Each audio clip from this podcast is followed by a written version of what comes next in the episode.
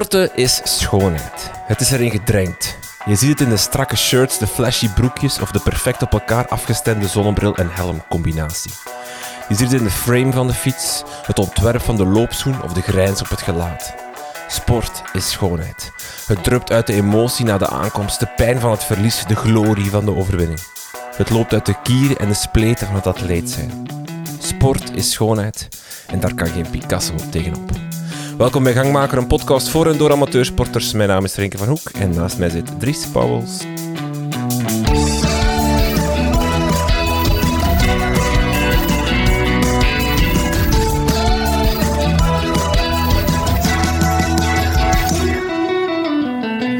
Hoi Dries, Dag Renke. hoe gaat het? Goed. Amai, In- klonk even. Goed. Goed. Ik heb de hele dag eh, voor de klas moeten staan, hè, moeten roepen, dus... Oké, waren ze niet braaf? Eh, jawel, maar, maar ja, dat is nu eenmaal eh, de taak van de leerkracht LO, dat hij luid en duidelijk moet spreken en roepen, dus... eh, ja, Z- voilà. Dus mijn stem is bij deze een beetje eh, half. Maar, maar kijk, kom goed. Hoe gaat het met u, Renke? Zeer goed. Ja? Ik ben in opperste staat van euforie. Ja, Want Dries, want... we zijn genomineerd voor de Belgian Podcast Award. Maar de Podcast Award. Nu vind ik wel dat je je knopje applaus mocht gebruiken. Voor ene keer.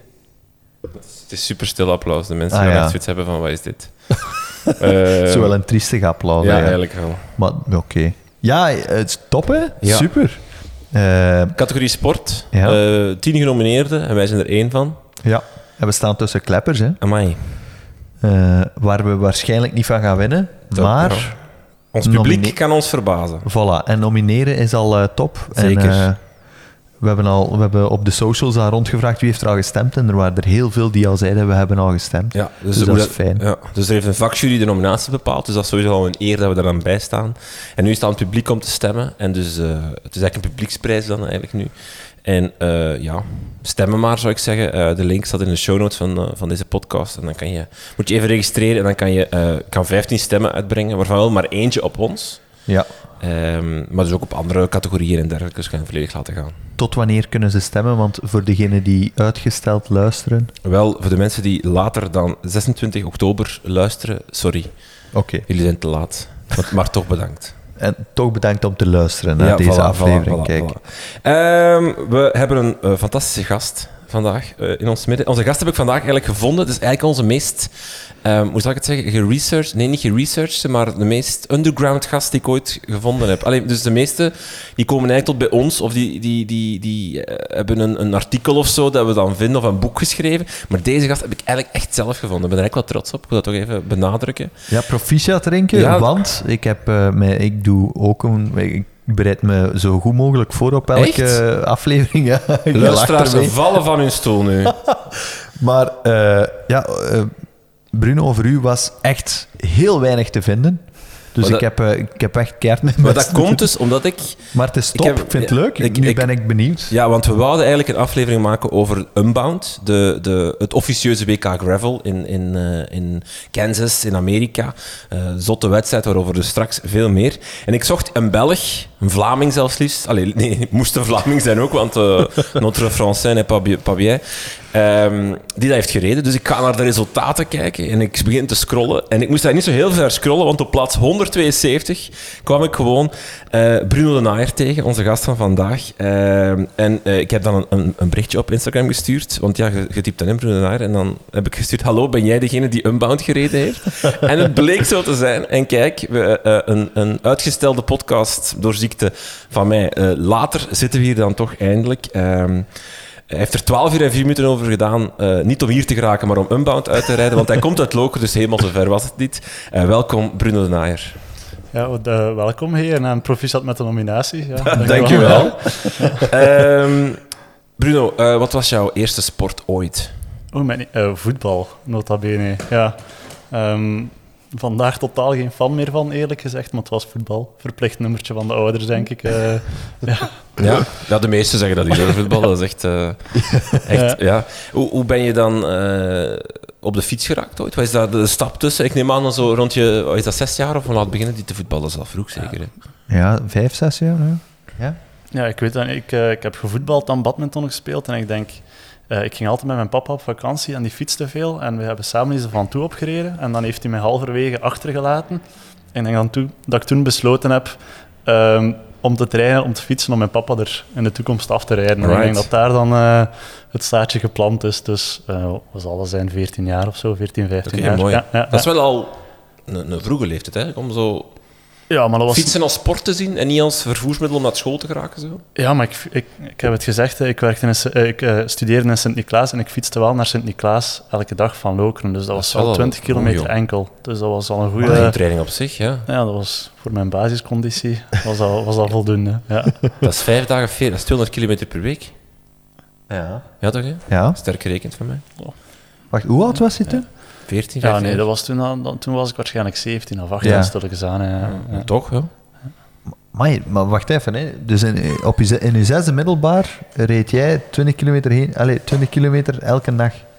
Eh, ja, het 40 per dag, hè, 17. 40 per dag. acht- ja, ja, ja. Dat is toch kei veel, of niet? Voor iemand van een zesde middelbaar. Ja, dat, is, dat, is, maar dat, is, dat, is, dat zijn zotte trainingskilometers toch ook. Ja, goed. Top. ja. En ehm, hoe is dat dan verder geëvolueerd? Is dat dan echt je sport geworden? Eh, Heb je competitie gereden? Heb je... Eh, ik eh, ben er een paar keer los afgereden in een kermiskoers. Ehm, dus in die maat heb ik al competitie gereden, maar dan vooral ehm, eh, gaan studeren, productontwikkeling gestudeerd en bij Ridley aan de slag geraakt als productontwerper. En dan daar een beetje excessief beginnen sporten, eigenlijk beginnen eh woon-werkverkeer ook, maar dan iedereen is daar sportzot bij Ridley. Ehm, dus dat was allemaal eh, fietsen, fietsen, fietsen. Ehm, dus ja, daar is het misgelopen, denk ik. Ging het bij Ridley echt over het ontwikkelen van de hele fiets? Of ging het over een aantal details die, die jij dan uitwerkte? Of? Eh, ik ontwikkelde samen met, met mijn toenmalige collega Toon, deden wij eigenlijk de volledige R&D binnen Ridley en wij ontwikkelden eh, de, de, de kaders en de vorken. Ehm, dus dat was... de, we hadden daar de windtunnel ehm, bij, ehm, eh, bij de buren. En ehm, dus wij ontwikkelden... Wij hebben een Canzo Fast ontwikkeld. Ik weet niet of dat jullie dat je het zegt. Dat is de huidige gravel aero fiets van Ridley. Ehm, dus dat soort zaken, ja. Ja. ja. Oké. Ehm, je hebt eh, al een aantal eh, wedstrijden gefietst, eh, of, of events gefietst. Onder meer Ja. heb je drie keer de duo dia diagonaal gefietst. Zeg ik het juist? Ja, misschien misgetypt. De duo diagonaal. Ja. ja. Ja, wat is dat? Ehm, dat is ehm, de, een, een, ja, ultracycling event in België. En dat is van het meest zuidelijke punt, laten we zeggen, van Virton ehm, naar Oostende fietsen. Via een aantal checkpoints. Dat is meestal een afstand van ongeveer een 340, 350 kilometer. Mhm. Ehm, die dan eh, grotendeels s'nachts moet afgelegd worden per twee, zo snel mogelijk. Oké. Ehm, dus het is een, een officieuze wedstrijd. Ja, En eh, is dat heftig? dat is, Eh, dat is, dat is best wel heftig. Ja, ja, En drie keer heb je dat al gedaan. ja ehm, wat drie verschillende jaren natuurlijk, maar Nee, ja. ja, dat is best wel heftig. Dat s'nachts fietsen. hè. S'nachts fietsen is fysiek moeilijk, maar mentaal vooral ook, eh, vooral ook Mhm. niet evident. Dus dat is echt de moeilijkheid aan die wedstrijd. Ja. Zitten we op de weg of zitten we... Nee, dan praten we wel over op de weg. Alhoewel, ik, doe dat, ik heb dat altijd samen met Simon Bury gedaan, een vriend. Mhm. En dat was dan ook de routeplanner. En die was er niet vies van, van er eh, ergens midden in de nacht een stukje offroad in te steken. dus een, een gravelfiets kwam soms wel van pas. Ja. Eh, hoe oud was je toen bij de eerste keer? Ja, het zijn hier zo Ja, dus- historische Ja. vragen. Nee, waarom Ja. dat ik het vraag is, eh, omdat we, we zijn geëindigd bij, bij jij als productontwikkelaar, maar hoe, hoe, ik vraag me af, hoe ben je gegaan naar, eh, van, van iemand die eigenlijk gewoon graag fietste en veel fietste, naar iemand die echt uitdagingen aanging, Hmm. die, eh, die echt, eh, want ik bedoel, Unbound, waar we straks over gaan, gaan eh, Ja. praten, eh, ja, is wel allee, is een uitzonderlijk iets. Hè? Is niet zomaar iets voor, voor iedere fanatiekeling. Ja. Ehm, ik denk dat dat een beetje gestart is aan de universiteit dan, samen met, met, Simon, hè, die vriend, die, eh, eh, die op dat vlak ook een beetje, eh, een, beetje een paar wijzen mist. Maar goed. Ehm, ehm, Ja, het ding bij Duo Diagonaal is dat dan de instapdrempel vrij laag is, want dat is zo een, een, een vrijblijvend event zonder inschrijving. En het is in België, dus je moet je niet heel ver verplaatsen. Dus als je graag fietst en je fietst graag lang, dan is de stap uh, makkelijk gezet om te zeggen van en nu ga ik uh, eens iets heel zot proberen doen en een nachtje doorfietsen. Um, uh, als je één keer zoiets gedaan hebt, dan, dan wil je daar, dan wil je dat vaker doen. Um, dus ik denk dat dat zo'n beetje gegroeid is, ja. Mm. Denk je dan na die eerste poging direct van, oké, dit is het. Dit doe ik super graag, dit ga ik nog doen. Nee, meestal denk ik, amai, dat doe ik nooit meer. maar dan na een paar dagen of een paar weken later, dan, dan komt dat terug en dan, dan krijg, je weer, krijg je weer zin om dat te doen. Ja. Uh, wat was je mooiste dag op de fiets? Um, dat is een, een, heel moeilijke vraag, maar ik moet nu, ik denk, uh, uh, recent met Unbound dan, heb ik ook een, een, een, een rondtour door de Verenigde Staten gedaan. Allee, een heel klein stukje ervan. Um, en daar heb ik toch wel um, eigenlijk een aantal heel mooie dagen gehad langs de, de westkust. Fietsen was echt. Uh, ik, denk dat, ik heb er geen enkele slechte dag gehad, ik zal het zo zeggen. Dat was, dat was super mooi. Hm, Oké. Okay. Wat was je zwaarste dag op de fiets ooit? Als ik daar nu op moet antwoorden, dan was dat waarschijnlijk eergisteren. Um, Wat heb je gisteren gedaan? Gisteren? Uh, de Long Race Home gereden. Uh, ik weet niet of dat jullie... De? De Long Race Home. Dat is um, ook een, een, een, een ultra-event van uh, Kortrijk naar Antwerpen. Dus dat klinkt niet zo gek ver. maar dat is wel een lus in rond Lille. Dus dat was 460 kilometer ongeveer, 450 kilometer. Um, is een ruisrijden een verkeerde afslag pakken. Wie heeft die eigenlijk uitgevonden, die uitdaging? We gaan van Kortrijk naar Antwerpen, maar we gaan wel via Frankrijk. Zo ja. zot. Ja. Offroad, gravel? Of, uh... Nee, dat was ook, ook gelukkig op de weg. Uh, alhoewel de 200 meter offroad die erin zat, ben ik wel lek gereden. Dus, uh, Brengt misschien direct met de volgende vraag. Gravel of, of, of road, wat, wat verkies je? Oh, gravel. Ja. Sowieso. En hoe is dat op je pad gekomen ooit? Want ik neem aan dat dat niet iets is waarmee je begonnen bent. Als je er van toe oprijdt met je papa, dan... Nee, exact. En uh, ik denk dat dat er ook veel mee te maken heeft dat ik bij Ridley gaan werken ben. En daar werkte... De collega had eigenlijk de eerste gravelfiets bij Ridley ontworpen, want dat was in 2015 moet dat geweest zijn of zo. Gravel is nog niet zo gek oud. Um, en ik heb dan de verdere ontwikkeling van die fiets gedaan en um, een beetje gerealiseerd dat je in een fiets met 28 inch wielen dan ook kleinere wielen kunt steken met dikkere banden erop. Um, maar gravelbanden bestonden toen nog niet echt en dat was dan zo, dat was een, heel experiment om, om eigenlijk die, ja, die eerste gravelfietsen te ontwerpen en, en dan heb ik gravel leren appreciëren, zo het uh, uh, boscrossen, maar dan met iets dat op de koersfiets lijkt en dat is super. Ja. Wat maakt want we zitten hier toch met een productontwikkelaar, ja. wat maakt een gravelbike uh, anders dan een koersfiets? En ik bedoel dan vooral in een bouw van het, bijvoorbeeld het kader bijvoorbeeld. Uh, ik denk dat de meeste mensen die daar niet genoeg van kennen, die kijken naar die kaders en die zouden denken, een gravelbike ziet er qua opbouw, qua kader, qua constructie hetzelfde uit als een koersfiets. Of is dat niet zo? Zo heel technisch naar carbon lay-up en dat soort zaken dan. Ja, in het algemeen. Ik, zou, ik zou eraan denken, dat is bij wijze van spreken een koersfiets met dikkere banden op. Maar dat... In het begin was dat ook een beetje zo. Um, maar dat was, uh, dat was ook toen dat, dus eerst en vooral schijfremmen op koersfietsen. En dat was nodig om dan dikkere banden op een koersfiets te kunnen steken. En dat heeft een beetje die evolutie in gang gezet naar gravelfietsen dan. Um, maar dan um, puur naar geometrie zijn die gravelfietsen snel geëvolueerd naar veel minder agressief. het grootste verschil voor mij zit in, in die geometrie. En dan ja, de, de comfort um, die we proberen inbouwen in die frames. Dat was een beetje waar wij wat op mikten toen. Uh, maar dat is nu helemaal uh, ondertussen al ver geëvolueerd. Hè. Maar toen was dat vooral uh, naar comfort en die geometrie die ook meer comfortabel was.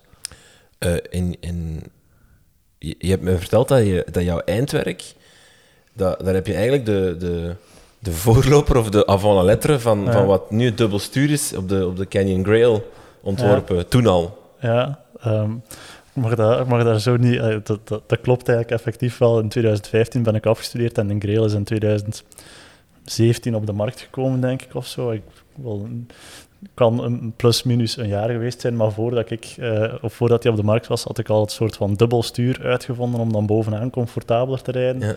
En in de, de drops dan, eh, in de bocht van je stuur, stijver te kunnen, een stijver stuur te hebben om te kunnen sprinten. Dat was mijn, dat was mijn thesis om de cockpit te heruitvinden. Maar Canyon zal er ongetwijfeld een paraal mee bezig geweest zijn. Ja, want het ja, ja. tijdverschil was niet zo gek groot, maar eh, ja, Maar je rijdt ook wel zelf met een Canyon Grail, hè? dat klopt. Ja, dat is jouw gravelbike. Ja, dat klopt. waarom heb je voor, voor die fiets gekozen? Ehm, ik had ehm, geen heel goede gravelfiets voordat ik naar Unbound ging. Eh, dus ik had me ingeschreven, maar ik had nog geen gravel racefiets. Ehm, en ik ging toen eh, tweedehands gaan kijken wat er beschikbaar was. En er was absoluut niks beschikbaar. En nu was er ook niks beschikbaar, want het was begin dit jaar. Ehm, maar dan kwam ik iemand in Lokeren tegen die zijn grail verkocht. En ik dacht, ja, die moet ik kopen. Ik heb mijn thesis daar rond gedaan. En, Ja. en dus een supergoeie fiets ook verder. Ehm, dus vandaar is het, eh, is het een grail geworden. Alright. Unbound. Zullen we daar even naar, naartoe gaan? De reden waarom Ja. jij hier bent. Kan je even voor de luisteraars omschrijven wat eigenlijk Unbound is? Ehm, ja, het eh, officieuze wereldkampioenschap gravelrijden. Hè. Ehm, maar dat is een van de, zeker in de Verenigde Staten, de bekendste gravelwedstrijden en ook een van de langste gravelwedstrijden met echt een heel internationaal publiek. Ehm, en van de dingen die ik al gedaan heb, ook een van de wedstrijden die oprecht 99% gravel is. Wat eigenlijk Ja. heel zeldzaam is, zeker als je in Europa een gravel event doet. Ehm, maar het officieuze gravel Ja. wereldkampioenschap, ja. Het heette vroeger Dirty Ja. Kansas. Ja, eh, van, eh, maar dat is dan twee jaar geleden, denk ik, veranderd van naam naar Ja. Unbound. Hè? ja. En je hebt verschillende... Mag ik even denken? ja. Waarom? Weet jij het? lag politiek moeilijk, denk ja, ik. denk, het is met de naam. Het is zo, zoals Ja. dat, dat Ah, ja. zo... ja, Kansas was Ja. een verwijzing naar iets zeker, en dat was dan toch niet helemaal Ja. nog, nog 2022 Inderdaad. correct eigenlijk. Ik alleen. denk dat toen ook Carmen hoofdsponsor geworden is of zo. En die hebben dat dan zachtjes doorgevoerd dat die naam moest veranderen, denk ik. Er zijn verschillende afstanden die je kan rijden. Ja. Ehm, de 200 mijl, dat is dan de 320 kilometer. Dat is de, laten we zeggen, de, de officiële Ja, ja, ja. afstand zo. En dan de 100 mijl en dan misschien nog de 60 mijl. Dat durf ik zelf Dat weet ik niet. zeggen. Ik weet wel dat er nog een soort van XL is. Ah, Ja, ja dat Die- is de nog- 350 mijl. Ja. Ja. Maar die, die gaat, dat is echt zo... Dat is, Ja. dat is, voor, de, dat is voor de mannen die, die gaan er wat over. Ja, wel, dat, is, ja, dat klopt. Want de 200 mijl is de, de afstand. Als er, als er wordt gesproken over Ivar Slek Ja. wint Unbound, dan gaat het over de 200 mijl. Ja, En 200 mijl is 320 kilometer. klopt, ja. Ja, oké. Ja, ik vraag me direct af, want dat is 99% off-road. Eh, nee, ik heb eigenlijk twee vragen. Eerste, de ondergrond gravel. Ja. Ik denk dat wij in Vlaanderen daar een heel ander beeld van hebben dan dat het in de VS is. Klopt dat of niet? Eh, Ze, ze, ze praten altijd specifiek over ehm, Unbound, gaat dat over zo die Flint Rock, dat is zo'n soort van leisteen, dat ze daar ehm, veel hebben liggen of veel gestrooid hebben vroeger. Ehm, maar dat is, dat is er echt wel gravel, waar dat wij meer over single tracks en, en zo mm, aarde, aardewegen, Oh, bosgrond praten, is daar echt wel allemaal een soort van Ja, kiezelondergrond. Dus ook Eh, veel meer kans om lek te rijden. Niet? Of is dat niet zo tegenover een bos? ja, ik zou het Ja. ook denken. Ja. In, in, princi- in principe wel. Ehm, in principe wel. Bij, bij, je hebt bij Unbound echt zo die heel soort van... Dat is 320 kilometer aan hetzelfde soort wegen eigenlijk. Hè. Dus dat is 320 van die wegen waar dat pick-up trucks op rijden. En dan hebben ze zo twee sporen waar dat die banden lopen. En dan heb je een fijne kiezel. En daartussen heb je dan een heel ruwe kiezel waar dat dus de pick-ups niet over rijden. Maar waar dat jij soms zelf wel over moet om een bocht te pakken. En die heel ruwe kiezel in het midden, dat zijn van die scherpe lijstenen en daarop kun je lek rijden. Eh, maar dat die twee sporen zijn echt wel key om daarin te rijden, omdat je daar niet zo makkelijk lek in rijdt. Eh, dus dat is, dat is echt heel typisch Unbound eh, of Kansas eh, gravel. D- Dat was mijn volgende vraag. Waar gaat het Ja. door Ah, ja. in Kansas? ja, ja, Eh, kunnen we dat situeren in, in Amerika? Is dat... dat is een van de, de, de flyover states, zoals ze zeggen. Eigenlijk moet daar niemand ooit zijn. Eh, dus dat, dat ligt echt zo in, in, eh, in het hartje van de Verenigde Staten. Zo. Ja, De vergeten hoek Ja. eigenlijk. ja, Iets waar dat wij nooit over spreken. Nee, tot nu. Tot nu. ja. Hoeveel deelnemers zijn er? Een, een 1200 denk ik aan de 200 mijl. Ehm, dat, dat is meteen ook een vraag die Andries eh, gesteld heeft. Is het met loting dat je, om, om te mogen deelnemen? Ja, in principe wel. Uh, nu moet ik eerlijk toegeven dat ik ehm, geluk heb gehad op dat vlak. Ehm, en dat ik, ehm, ik werk bij Classified. Uh, en Classified was aan, of onze, onze verdediger in de Verenigde Staten was aanwezig op het evenement. En ik heb uh, op die manier een ticket kunnen bemachtigen, nog heel laat Maar in principe is het met een lotingssysteem. Ah, Oké, want de vraag was dan of het lastig was om, om je voor te bereiden met die onzekerheid. Maar jij had zekerheid. Ja, maar ik had de zekerheid twee maanden voor de wedstrijd. Dus op zich heb ik me niet super lang kunnen voorbereiden. En de mensen die uit de loting komen, wanneer weten die eigenlijk? Of dat, is, dat is korter dan? Of? Eh, ik denk dat het gelijkaardig is, dat dat ook ah, een, maar een aantal maanden op voorhand is. Dus zeker voor degene die een grote verplaatsing moeten maken, is dat wel spannend. Ja. En die, ja, ik vraag me nu gewoon af, die loting, maar ik weet niet of dat iemand van jullie het weet. Hoe, hoe gebeurt dat? Moet, moet je wedstrijden op voorhand doen om je te kunnen kwalificeren? Of is er eigenlijk... Nee, ik denk dat dat zoiets als, als denk de Maratona is ook met loting. Hè? Je schrijft je gewoon in, dan wordt er duizend man geloot en die mogen meedoen. Dus het kan zijn dat je bij wijze van spreken top 10 kanshebber bent, dat je inschrijft, maar dat je gewoon niet bij de loting erbij zit. ik hoop dat Laurens Dam niet heeft moeten meedoen met de loting. Ja, of, maar ja voilà. Er zullen wel, een, ja, waarschijnlijk een, ik denk dat er wel wild, wildcards zullen zijn voor mensen die uitgenodigd worden, maar ik denk over de, de normale mensen zoals jij en ik. Ja. Wij moeten ons, de loting Maar de Maratona in de Dolomieten is ook, is ook met loting, hè, omdat er zoveel mensen willen meedoen en eigenlijk willen ze een beetje zorgen dat er elk jaar andere mensen kunnen... Allee, dat dan niet elk jaar dezelfde 100 man of 1000 man zijn die meedoen, is ook met loting. Als ik me niet vergis, maar... Mhm. Het parcours, Bruno, is dat... Wat ik mij inbeeld, is dat dat gewoon 100 kilometer rechtdoor is. Ja, en als je kijkt op, uh, op de kaart van Unbound, dan is dat alsof er maar vier bochten in zitten en dat er gewoon vier keer naar rechts is en je bent terug.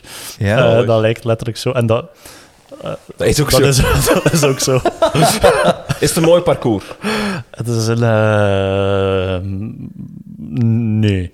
Nee. Um, nee, hier in België kun je in de Vlaamse Ardennen of in de Ardennen veel mooier gravel rijden dan dat je daar kunt rijden. Dus okay. 320 kilometer nogal veel van hetzelfde. Ja.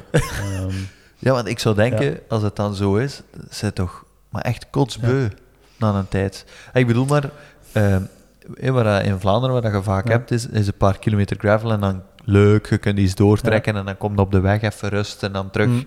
doortrekken. Maar daar, ik denk dat je in het begin denkt, alright, we zijn vertrokken. En dat je na, na een tijd echt denkt, maar ik ben dit echt wel beu aan het worden. Allee, dit, zo eentonig, dat parcours. Ik denk, ja, ik denk dat dat klopt. Ik denk een beetje dat er van afhangt hoe dat je de wedstrijd kunt rijden. Als je echt kunt als koers rijden, ja.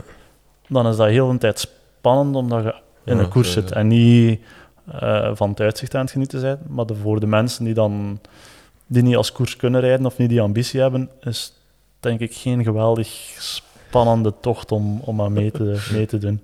Ja. Waarom had jij dan toch de ambitie om hem, om hem te rijden? Ja, omdat het toch een beetje een mythische wedstrijd is als je in het gravel, als je in, in gravel zit. Um, en ja, de, heel, heel de reis er rond zo naar de Verenigde Staten om de fietswedstrijd te gaan rijden, dat was wel een, een spannend verhaal. Hm. Maar ik had geen winstambities of zo. Nee, nee, dus, nee, Mag ik zeggen dat je plaats klinkt alsof dat jij een heel goede gravelrijder bent? Dat mag, en ik weet niet of dat, dat gerechtvaardigd is, um, maar ik was wel heel tevreden van mijn wedstrijd. Um, dus ja, het was uiteindelijk... Ik had, ge, ik, ik had de ambitie om, om binnen de 15 uur binnen te zijn. Ik ben uiteindelijk net niet binnen de 12 uur binnen, dus dat is, um, dat is wel een stuk sneller. Ja. ja. Uh, hoe, want je hebt twee maanden voor, het is eigenlijk de, is de, de trip door, gepland. Ja. Hoe heb je het aangepakt? Uh, waar ben je verbleven? Hoe... Um, ja, dat, was dus eigenlijk nog best wel een, verhaal, want ik, um, uh, ik, ik, moest dus naar de Verenigde Staten vliegen. Kost best wel veel geld. Je, fiets moest mee, dus ik dacht, ik ga er niet gewoon voor drie dagen voor de wedstrijd naartoe. Dat was, um, vond ik niet zo interessant. maar twee weken in Kansas blijven is ook niet zo geweldig spannend. Uh, dus een reden waarom dat er niemand naar Kansas gaat.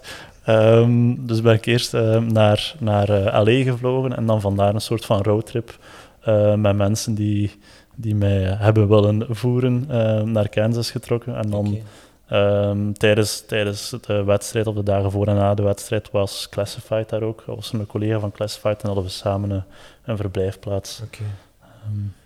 Eh, heb je verkend het parcours? Allee, Ik was er drie dagen op voorhand en ik, eh, ik heb de ondergrond verkend. Ja. Het parcours, ja, niet, want het is die nogal vier lang. bochten was dat. ja, inderdaad. Maar zo het type ondergrond leren kennen en toch normaal zo een beetje van welke bandenspanning zou ik rijden en dat soort zaken, zo toch wel even ehm, over nagedacht. Ja. Eh, En wat is het geworden? eh, qua bandenspanning. Ja. Eh, 1,9 bar, zowel voor als Oh. achter. Ja. Ja. Dat is oké, hè? ja, voor mij is dat heel weinig, maar ja. Ja, Ja, voor zo'n zware gravel en dan... Ik denk dat wij een gewichtsverschil ook hebben op dat vlak. Ja, ik, ik, ik Ja, stond ik- toen rond de 70 kilo. Oké. Ehm, dus Er is een gewichtsverschil, kunnen we beamen. ja, dan, maar dan nog, tegen Nee, eh, ik weet nog, toen we onze fiets bij Kenny gingen halen, zij is ook 2,5, ja. 3, Ja. maar zelfs eens proberen onder de 2,5 of dat dat je Ja. ligt, want dat, is wel een spe- dat voelt wel anders, Ja. maar op zich is dat eigenlijk wel beter om te gravelen. Ja. Als jij dan spreekt over 1,9, vind ik dat niet... Nog geen strandrace eh eh, spanning, Nee, bandenspanning of zo. Maar dat is wel al door de bochten glijden in plaats van in de bochten sturen, zo Ja. bandenspanning. Ja, als je er iets bij kunt voorstellen. Ja. Maar je zou ook heel tijd schrik hebben. Dat klekvrij of zo. Maar er zijn maar vier bochten, hè, dus het Ja, valt, dat valt wel mee. Ja, oké. mee. En misschien, nog, misschien nog eens over, die, over de fietsbase zijn. Eh, je, je reed met een Grail, had je dus bandenspanning 1.9. Waren er nog dingen speciaal aan de fiets? Of, of hoe, hoe breed waren je banden? Eh, ik, had, ik reed met 40 mm bandjes, wat zo'n beetje het maximaal is dat in een Grail kan. Ik denk dat het 42 maximaal is. Ik weet niet wie dat Ja. van jullie met de Grail eh ik, rijdt. ik zou niet weten hoeveel dat is. Ik denk dat 42 maximaal is, dus ik reed met 40 mm bandjes. En dan had ik wel uiteindelijk gekozen voor een carbon wheelset van 35 mm hoog, wat eh, om toch een beetje aero te zijn, want het is de hele dag in de wind fietsen en het ziet er ook cooler uit. Ehm, en, ehm, maar dat, verder heb ik weinig aangepast aan, Ja. aan de fiets zelf. En wat heb je mee op de fiets zelf? Bedoel, eh, van, ja. van materiaal? en-. Eh, bij, bij Unbound zijn er sowieso eigenlijk twee officiële stops. En ofwel komt je daartoe met een supportcrew en die kan naar die stops rijden en u daar bevoorraden, ofwel niet. En ik had dat niet. Ehm, en dan had ik eh, pakketjes gemaakt ehm, die dan aan de vrijwilligers, vrijwilligers gegeven werd, die op die, suppo- eh, op die pitstop stonden. Ehm, en ik had gerekend dat ik binnen elke T- elk uur zo'n soort van twee, niet zo gelletjes, maar zo van die gummiberenachtige toestanden ehm, moest eten en dan een halve energiereep. En dus dat had ik voorzien. En dan eh, had ik een camelback bij ehm, en twee grote bidons water, die dat ik ook dan kon bijvullen aan die checkpoints. Eh, dus dat was een beetje mijn eh, food strategy voor de hele race. Dus je had eigenlijk eten bij voor heel de dag.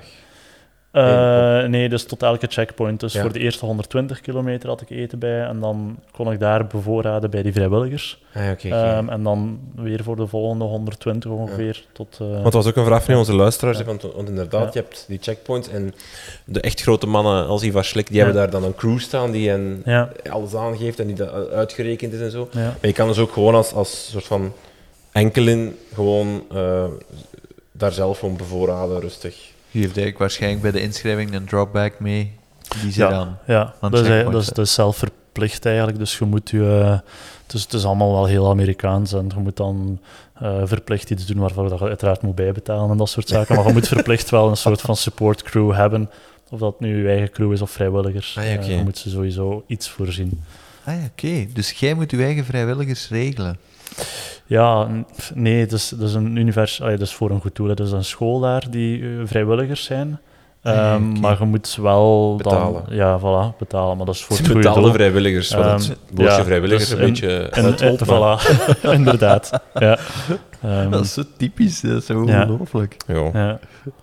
Maar dan kunnen ze wel zeggen dat ze voor een goed doel... Ja, Dat voilà. er Dus, dus op, dat vlak is het ja, een beetje Amerikaans, als ik dat dan mag zeggen. Ik weet het niet. Misschien is dat een vraag die ik meer, meer op het einde moet stellen, maar, maar gewoon zo even algemeen gezien, zo, hè, deelnemen. eh, vond je het eigenlijk veel gedoe? Is, is, is, is, of is het... nee, je hebt zou zo, je- Ik zal zeggen, je hebt zo events eh, hier in, in Vlaanderen dan, waar dat je gewoon naartoe komt met je vilo. En dan staan er bakken met eten en dan komt onderweg nog twee checkpoints en daar staan ook allemaal bakken met eten en je vult gewoon bij. En eigenlijk moet je gewoon toekomen bij van spreken met je fiets en twee lege drinkbussen en je, kunt gestel, en je zegt gesteld tegenover wat je nu vertelt, is, is, is allee, wat ook logisch is, want het is ook natuurlijk, het is 320 kilometer en het is, het is self-supported, dat is ook wel een beetje het, het, het, het, het Ja. idee. Maar vond je het veel gedoe? Als, als dat, nee, ik vond dat eigenlijk best wel meeviel. Ehm, het was ook niet mijn eerste keer dat ik zoiets deed natuurlijk, Ehm, maar ik vond het best wel meeviel. En eigenlijk, eh, het, het leuke aan Unbound is, is sowieso ook, ehm, in, in tegenstelling tot een ronde van Vlaanderen voor amateurs of zo bij Ja. ons, dat er twee dagen een soort van beurs aan vooraf, vooraf gaat, waar dat gewoon op plein allemaal merken, alles, alles een soort van display van hun producten, maar dat er ook al ritten georganiseerd worden voor iedereen die meedoet, om, om samen al eens 30 kilometer te gaan fietsen en zo. En het is echt een driedaags evenement eigenlijk, waar je zo zachtjes opbouwt naar de, de wedstrijddag. En dat is... eh, dat heeft wel iets en dat is ook zo een beetje... Dat is geruststellend. Dat is Ja, gewoon iedereen... Je hebt iedereen al eens gesproken die ook meedoet en iedereen is zo al wel gestresseerd, maar omdat je met 50 man samen gestresseerd bent, valt dat best wel mee. Er is ook iets over die checkpoints, hè, want dat is al een, een lange... dat is toch een discussie binnen het gravel gebeuren, zeker bij de toppers. Ja. Er moet gestopt worden? Of... Want dat is toch... Als Er ik het juist niets. heb, is het zoiets dat, dat er wel wordt afgesproken bij de favorieten, ook al rijd op kop. Je gaat de checkpoint binnen en je Ja. wacht op elkaar en je vertrekt ook samen. Hè? Of, of ben ik daar fout in? Ja, dat zijn wel de verhalen die ik hoor. Ik heb dat zelf nu niet echt meegemaakt, maar inderdaad, er zijn in, in principe iemand die goed getraind is, hoeft die eerste checkpoint bijvoorbeeld niet te stoppen. Ehm, en sommigen doen dat misschien ook niet, eh, maar er worden wel zo afspraken rondgemaakt dat je alvast niemand, allee, zeker bij de eerste tien, dat je niet eh, nummer 9 of, of nummer 10 er in de checkpoint probeert af te rijden. Ja. Want je zou dat kunnen doen, hè. Eh, dat, maar dat, is, dat gemeen zijn. Dat is niet in de gravel spirit. Ja. Ehm, hoe heb je je voorbereid op Unbound? En dan bedoel ik trainingsgewijs. Ik- Woon-werkverkeer was een groot deel van mijn voorbereiding. Ik fiets elke dag naar Antwerpen in principe. Dus dat is voor mij 80 kilometer per dag. Dus is qua duurtraining eh, is, dat, is dat voldoende. Ehm, en dan heb ik mij toch... ehm, ik, ik ben er geen fan van, maar elke zondag op de rollen gezet en intervaltraining gedaan om, eh, om die piekwattages toch ook eh, te hebben. Dus ja, En hoe lang zit je op de rollen? oh, wat 40 minuten, eh, Ja. dat is niet, niet gek lang. Nee, en dan gewoon, gewoon even... Ja. Ja. Ja, al 40 minuten eh, Even zo all alles, eh, Ja, ja, ja, ja. En dan voor de rest eigenlijk, dus, dus elke dag is dat dan eh, 80 kilometer, dat is... Ja. eh, 80 Twee uur en maal een half? 5 en 400... Maar ja, dat is wel, dat is wel 400 kilometer op een, op een week. Dat is 400 kilometer is per week, ja. en dan in het weekend nog. Ja.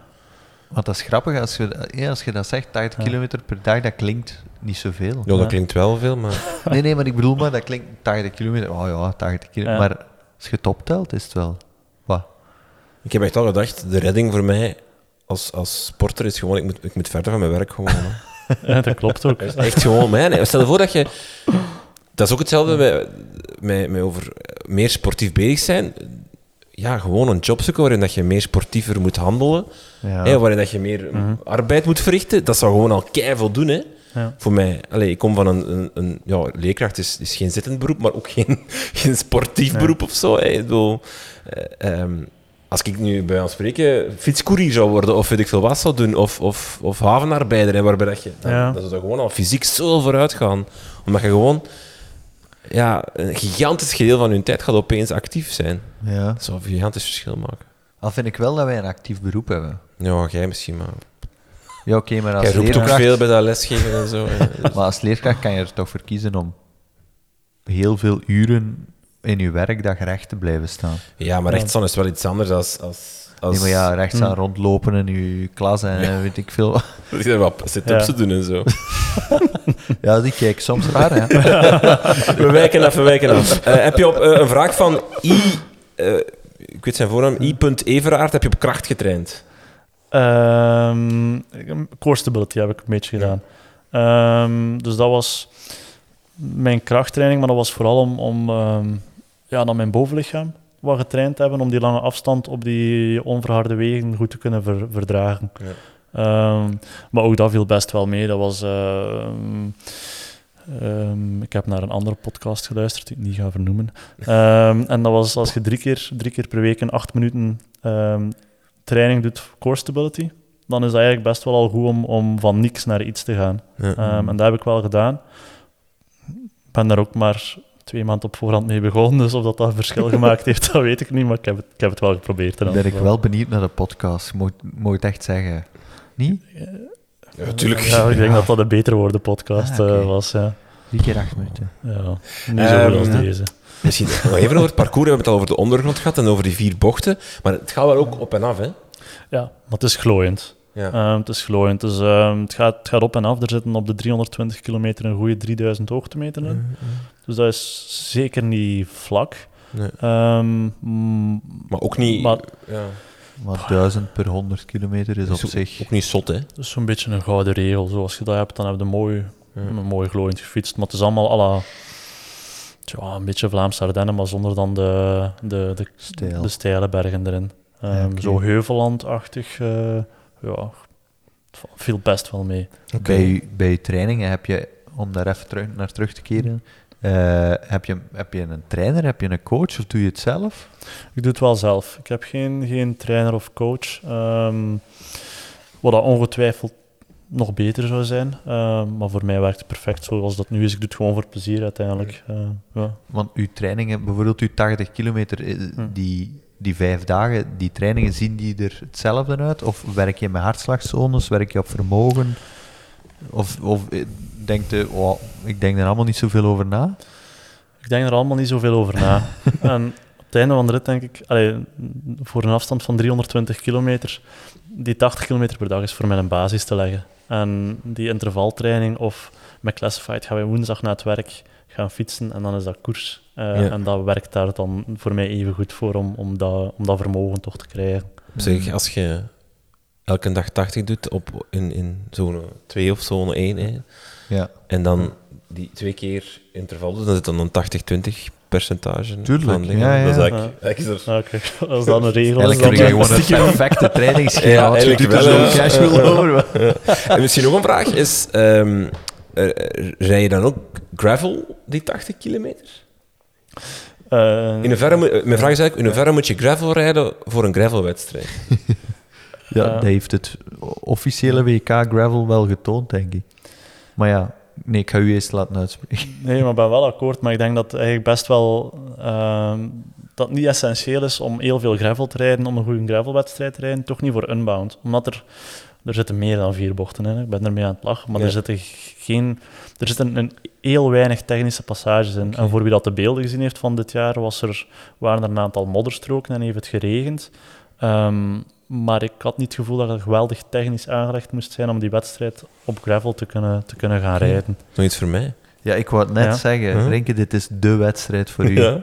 Regel een Dat wildcard via Canyon of zo. Het is wel ja, ver. we moeten dat doen. Eh, dus eh, dat was dat is eigenlijk eh, niet technisch, eigenlijk. Je hebt op zich zijn dat brede banen, bij van spreken, hè, die, Ja. die, die, die pick-up banen waar je over spreekt. En dan heb je die twee sporen, daar moet je in blijven en, Ja. en zien dat je die, die vier bochten goed pakt. Ja.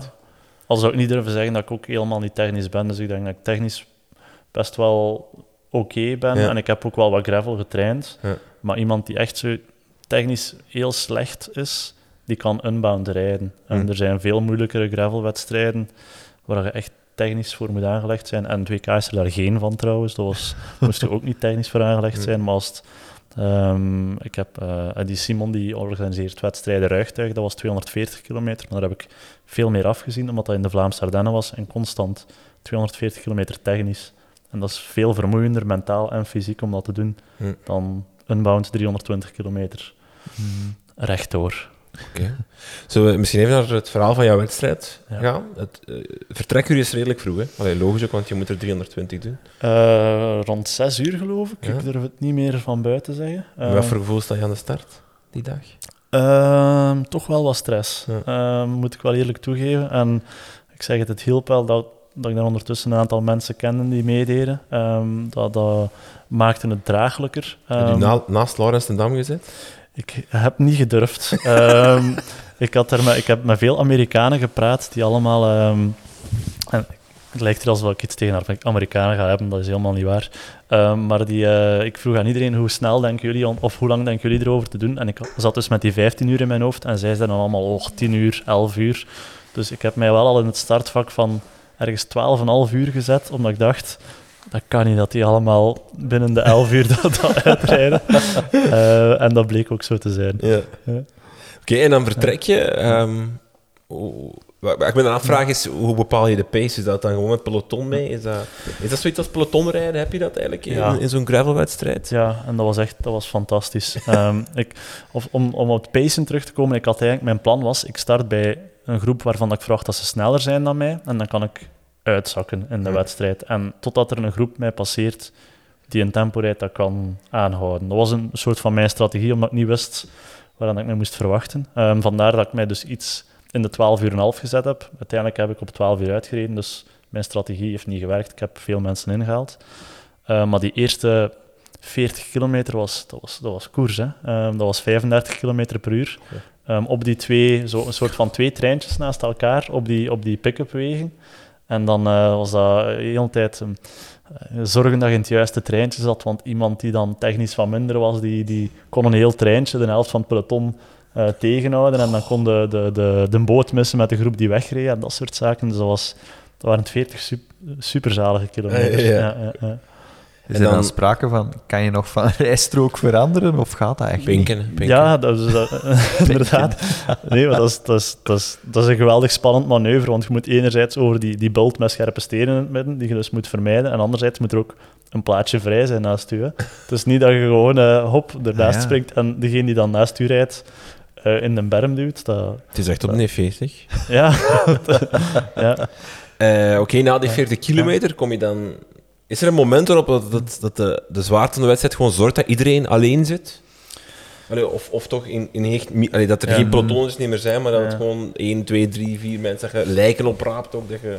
Ja, de- dus iedereen heeft, laten we zeggen, 40 kilometer om, om zich te bedenken dat het veel te hard gaat om 320 kilometer vol te houden. En dan na het 40 kilometer begint iedereen toch een beetje te pacen zo. En dan, dan, dan, toen viel echt alles uit elkaar. En dat was wel het fijne aan het feit dat dat glooiend is en recht op recht is, dat je kunt zien wie dat er vijf minuten voor je ligt, maar ook wie dat er vijf minuten achter, eh, vijf minuten achter ligt. Dus je kunt soort van wel mikken op, misschien kan ik dat groepje nog halen, of misschien als dat groepje mij inhaalt, kan ik samen met hun naar de volgende rijden. Dus je kunt ergens een soort van strategisch proberen rijden op dat moment. Ehm, en dat, dat is bij mij dan heel toevallig best wel gelukt. passeerde mij een groepje van eh, drie jongens van hetzelfde ploeg, denk ik, die duidelijk op vermogen aan het rijden waren, die met drie kop over kop aan het rijden waren. En dat was voor mij een perfect tempo waarin dat kon aansluiten. Dus ik heb tot de eerste checkpoint met hun kunnen samenrijden. En dat was dus de eerste 120 kilometer perfecte pacing. Hm. Maar dan kwam het moment waar dat jullie ook al allee, waar dat we het over, over gehad hebben, waar dat zij dan een heel goed voorbereide pitstop hadden met een eigen pitcrew. Dus ze zijn op eh, een minuut door die pitstop. Ehm, terwijl het dat bij mij met de vrijwilligers die een super job gedaan hebben, een drietal minuten duurt. Maar dan zit je twee minuten achter op die groep en dan rijd je nooit meer, Ja. dan rijd je nooit meer toe. Had je Ja. eh, zo'n aero's? Allee, nee, dat? Zo'n Ja, Ik wil die vraag ook stellen. Want Dat is Voorstander ook Ja. of een niet? zwaar eh, Ja. thema binnen de gravelwereld. Zo'n hè. ik ga het zo noemen. Ik weet Ja. niet wat ze- hoe dat het anders noemen. Eh, Aerobars, nee, hoe noemt dat? Ja, Ja, op zo'n clip-on eh, aerobar of zoiets. Eh, ik, ik had het niet eh, om de simpele reden dat het op een grill niet past. Ah, ja, juist, Eh, juist, ik, heb, ik heb geprobeerd en ik dacht nog zelf iets te maken, maar ik heb het niet gedaan. Ik heb het ook niet gemist. Ja. Ehm, voor mij was... Ik zat als gegoten op mijn fiets en ik heb die, dat opzetstuurtje niet, niet nodig gehad. Heb je het dubbele, het, allee, het dubbele stuur gebruikt van de, van de ken- Heb je er echt nut aan gehad? Ik heb het gebruikt op, op eh, minder technische en minder ruwe strook, maar dan eerder om, om met mijn soort van mijn, eh, met mijn onderarm erop te rusten en wel zo in een soort van tijdrithouding te gaan liggen. De Tim Eh, Balance-houding. ja, de Van- Tim van Balance een houding die ondertussen verboden is Ja. hè, in UCI-wedstrijden. Ja. Ehm, en, en op die manier heb ik wel best wel wat kilometers op kop van groepen gereden dan. Hmm. Ja. Vind je het fair, die aerobars? Ik vind van wel, ja. Ik vind de, een van de charmes aan, aan wedstrijden zoals Unbound is dat, eh, dat, dat er van alles aan de start staat. Er stond iemand met een fatbike aan de start. Dat ik dacht, jong, 320 kilometer met een fatbike. En op, Allee, op heel technische stroken was die in het voordeel, uiteraard. Voor de rest was die denk ik in het nadeel. Eh, maar dat, dat vind ik net heel fijn aan, aan de gravel scene, dat je mensen ziet met, met, met gewoon een een rugzak op de rug, maar dan ook die een framebike gevuld hebben met water en, en van die hele gekke constructies om toch maar alles te kunnen meepakken voor 320 kilometer. Toon ook aan dat het niet zo heel technisch is. Hè. Als je er zo'n zo'n tijdheidsstuur op kunt zetten, dan, dan kan het niet heel technisch zijn. Hè? Anders is er niet veel Maar- voordeel aan. Ja, natuurlijk in de technische afdaling. Dus van, van de 320 kilometer was er misschien 20 kilometer technisch. Ja. Dus dat is 300 kilometer Ja. dat je wel van je aero-voordeel Mm. kunt genieten. En dan 20 kilometer dat je gewoon, zoals de rest, in je, in je, stuur, eh, in je stuur zit. hè. Mag ik dat ook heel Amerikaans vinden? Zo het feit dat er, nee, nee, het feit dat er zo'n aantal mensen aan de start staan wa- waarvan jij waarschijnlijk ook Ja. denkt: My god, hoe zie, eh, met wat komt de gulder nu eigenlijk aan de start? Ja. Zo, Zo'n fatbike of, eh, of, of weet ik veel wat, hoe Ja. dat die eruit zien, of heel onvoorbereid Ja. waarschijnlijk, sommigen ook. Dat is toch. Allee, ik bedoel maar, ik heb trailwedstrijden waarbij dat je soms ook ziet, of waarbij dat er iemand zegt eh, in het midden van de wedstrijd, ik kom we die tegen, en, en die zeggen dan. Ah ja, zeg, weet de gulder de weg, want ik heb geen GPS bij. Waarbij dat Ja. wij dan allemaal zo kunnen denken, maar man, meen je dat nu, dat jij hier Ja, 80 of 160 kilometer komt lopen eh, zonder GPS? Ik bedoel, dat is, dat is waanzin. Maar in, in, alleen in Vlaanderen of bij ons zijn we dan zo heel rap geneigd van alleen maar een nozelaar en, zo, wat. Zo oordelen rap van op een negatieve manier. Maar ik denk dat dat in Amerika iets helemaal anders is. Dat dat eerder zo is van, right, cool. Ja, ja, ja. Dat je er, dat je Ja. er op deze manier aan de start durft Ja, komen. Ik vind Ja. dat wel, dat is toch een andere mentaliteit ook gewoon. Het is ook niet verbazend dat de gravel scene op zich in Amerika het grootste is en ook Nee, vandaar nee, dat ja. komt. Ja. Dat, dat voelt ook heel Amerikaans aan. Hè. Ja. Ja. Ik wil die, zo die campfire cultuur Ja, achteraf en ja. het, het wachten op elkaar. En, en, want ik denk de prijsuitreiking is ook pas als iedereen binnen is. Hè. Eigenlijk pas de dag daarna eigenlijk. Hè. Eh, ja, de dag daarna worden Ja. dan zogezegd de prijzen uitgereikt. Ja. Omdat iedereen moet binnen zijn. Ah, ja. Daar was ook veel Dat kritiek op vanuit de gravelwereld, op de UCI bijvoorbeeld, op het WK gravel, dat dat dus ja. Ja. direct was, waardoor dat nog niet iedereen binnen... Allee, het, was, het zat niet in de gravelsfeer Ja. eigenlijk, die eigenlijk op zo Ja. Unbound of al die andere wel zijn. Maar mag ik even een kritiek geven op dat WK dat we twee weken geleden aan gezien hebben? Waarom is dat WK dan niet in Amerika?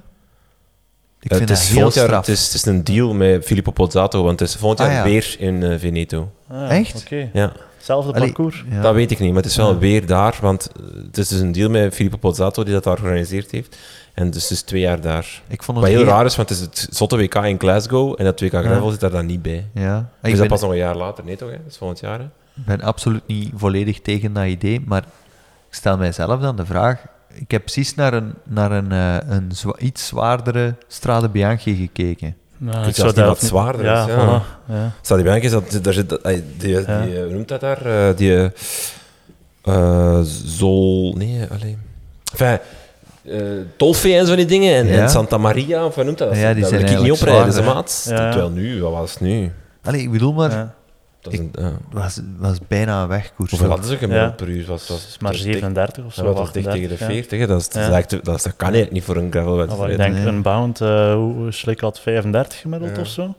Over 320 Ik kilometer. weet dat ze drie kwartier van het eh parcoursrecord hebben gedaan eh, dit jaar. Dus het, maar ja, dat is ook de professionalisering hè, van de sport. Hè. Ja.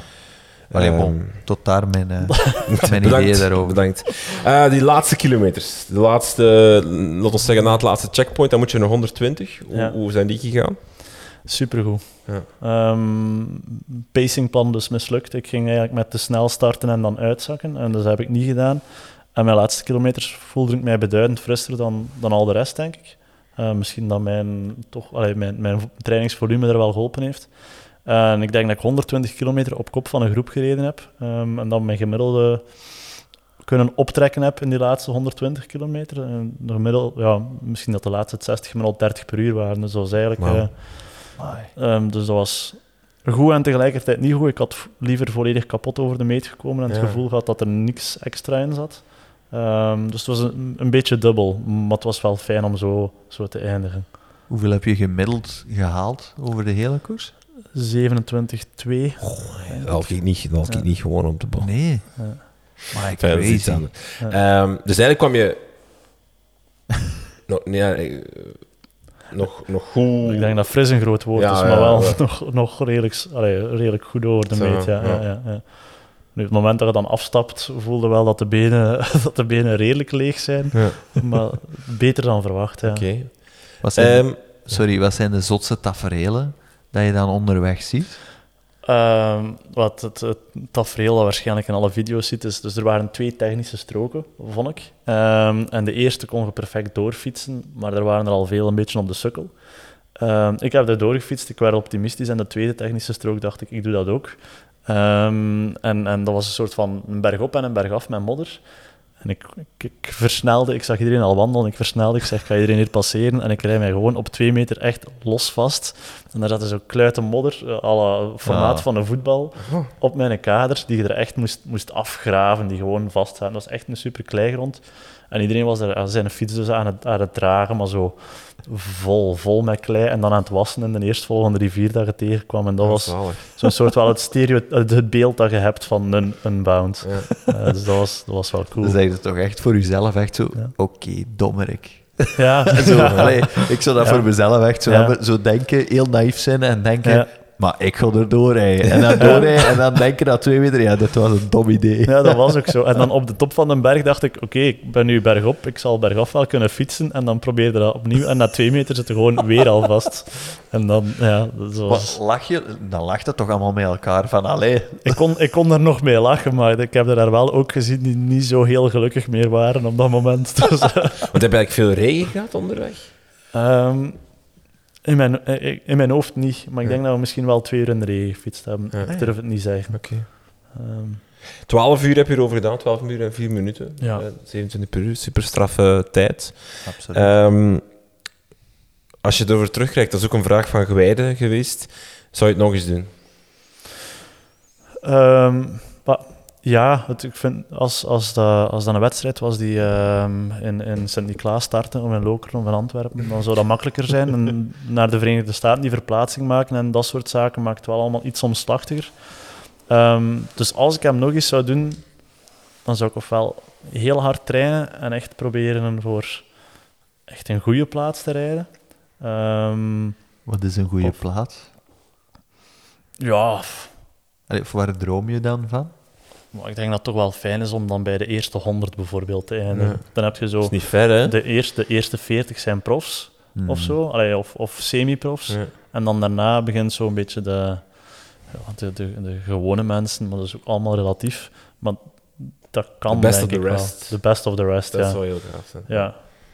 En dan zo echt proberen koersen. En als je dan na 120 kilometer helemaal kapot bent, dan is het ook zo. Dan zou ik het zo aanpakken. Oké. Wat kost het? Dat is ook een vraag die heel veel binnengekomen is. Heel veel Te veel geld, hè. Ja.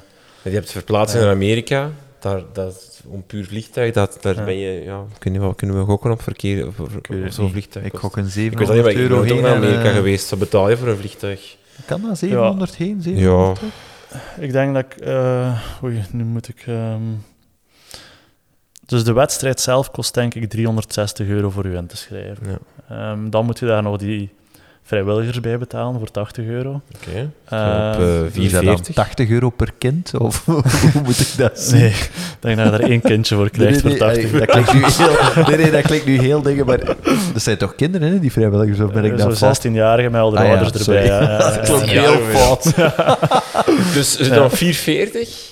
440. En dan heb je eh, puur de wedstrijd. Ehm, het verblijf daar, dat is eigenlijk een heel...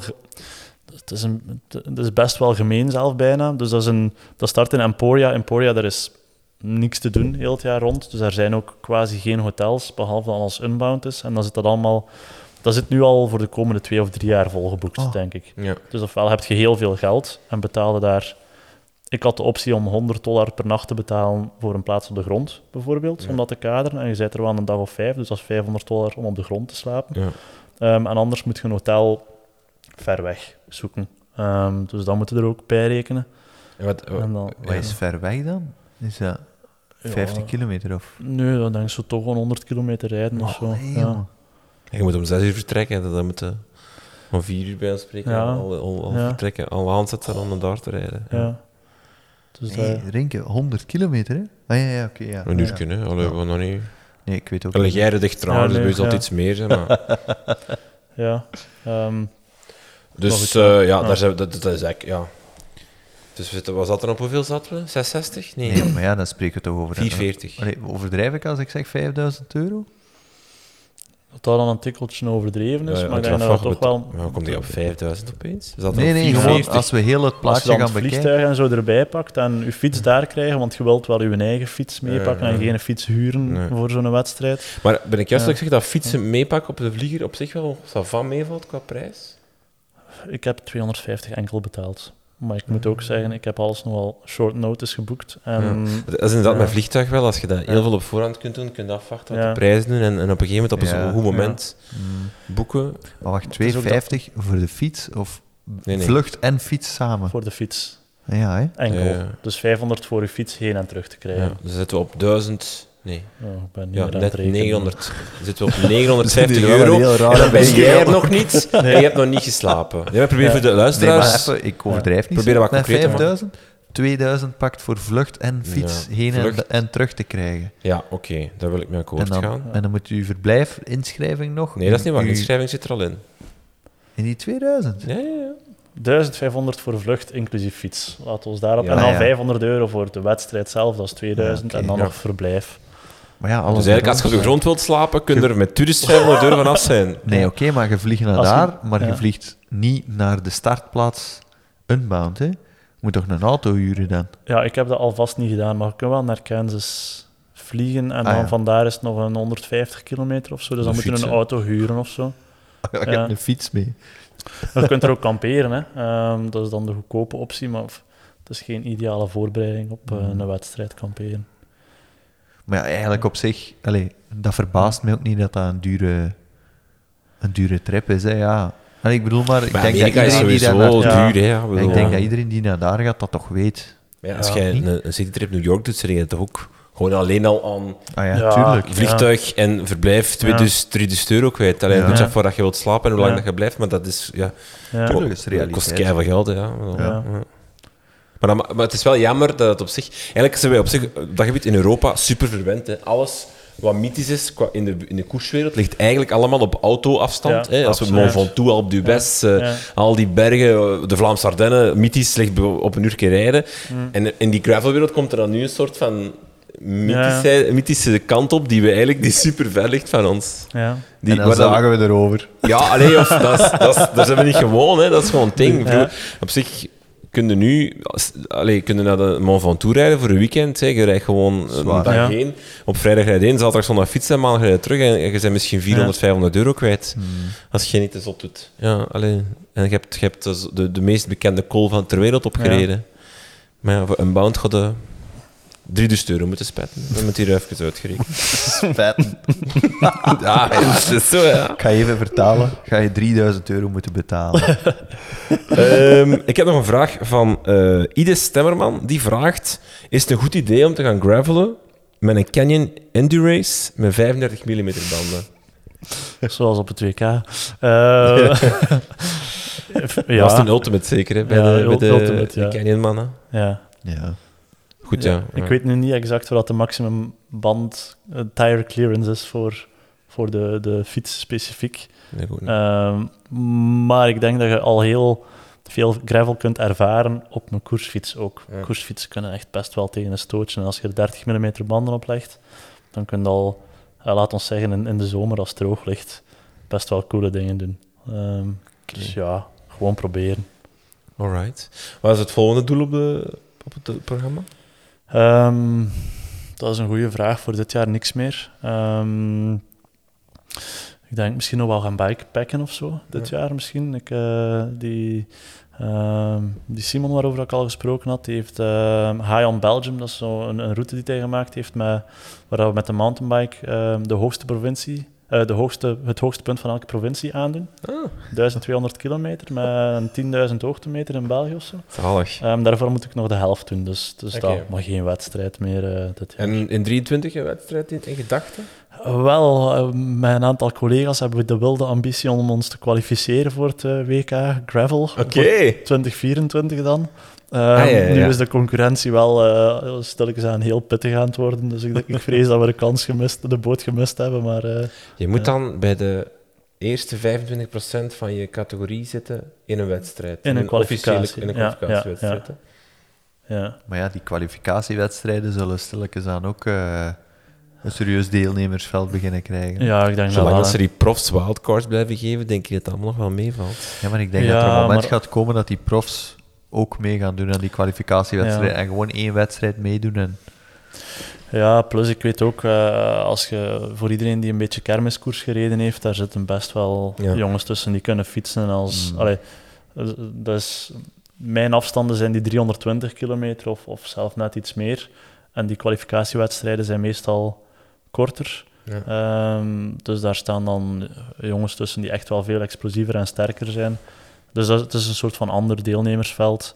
Ehm, maar we gaan proberen. Ik denk, allee, het is de ambitie. Ja, voilà, Nog niks leuk. gepland, ja. Oké, graag. Heb je buiten volgend jaar misschien, is er nog is er een ultiem, ultieme uitdaging, een ultieme droom voor u? Iets dat je, waarvan dat je denkt, goh, het zal misschien niet voor volgend jaar of misschien Hmm. binnen twee of drie jaar zijn, maar het is wel iets wat, wat, wat echt op mijn bucketlist staat? Goh, vind ik... Ja, ik heb al een aantal keer een, een meerdaagse meegedaan, een transcontinental race gestart en een pan-Celtic race gestart. En altijd wegens pech of, Ja. of een ongeval niet uitgereden. En ik ga er ooit één en uitrijden. dat is gewoon Mooi. eh, los van hoe traag of hoe snel dan. Dus dat, dat, dat moet gebeuren, ja. Oké, dan eh, wens ik je daar super veel succes mee. En heel veel dank om langs te komen. Ja. Eh, Bruno, om, om ons alles te vertellen over Unbound. Dries, eh, jij ook bedankt om hier te zijn. Jij ook, Eh, aan de mensen thuis, stem op, onze, op ons, eh, op de Belgian Podcast Awards in de categorie sport. En bedankt voor het luisteren. En tot de volgende.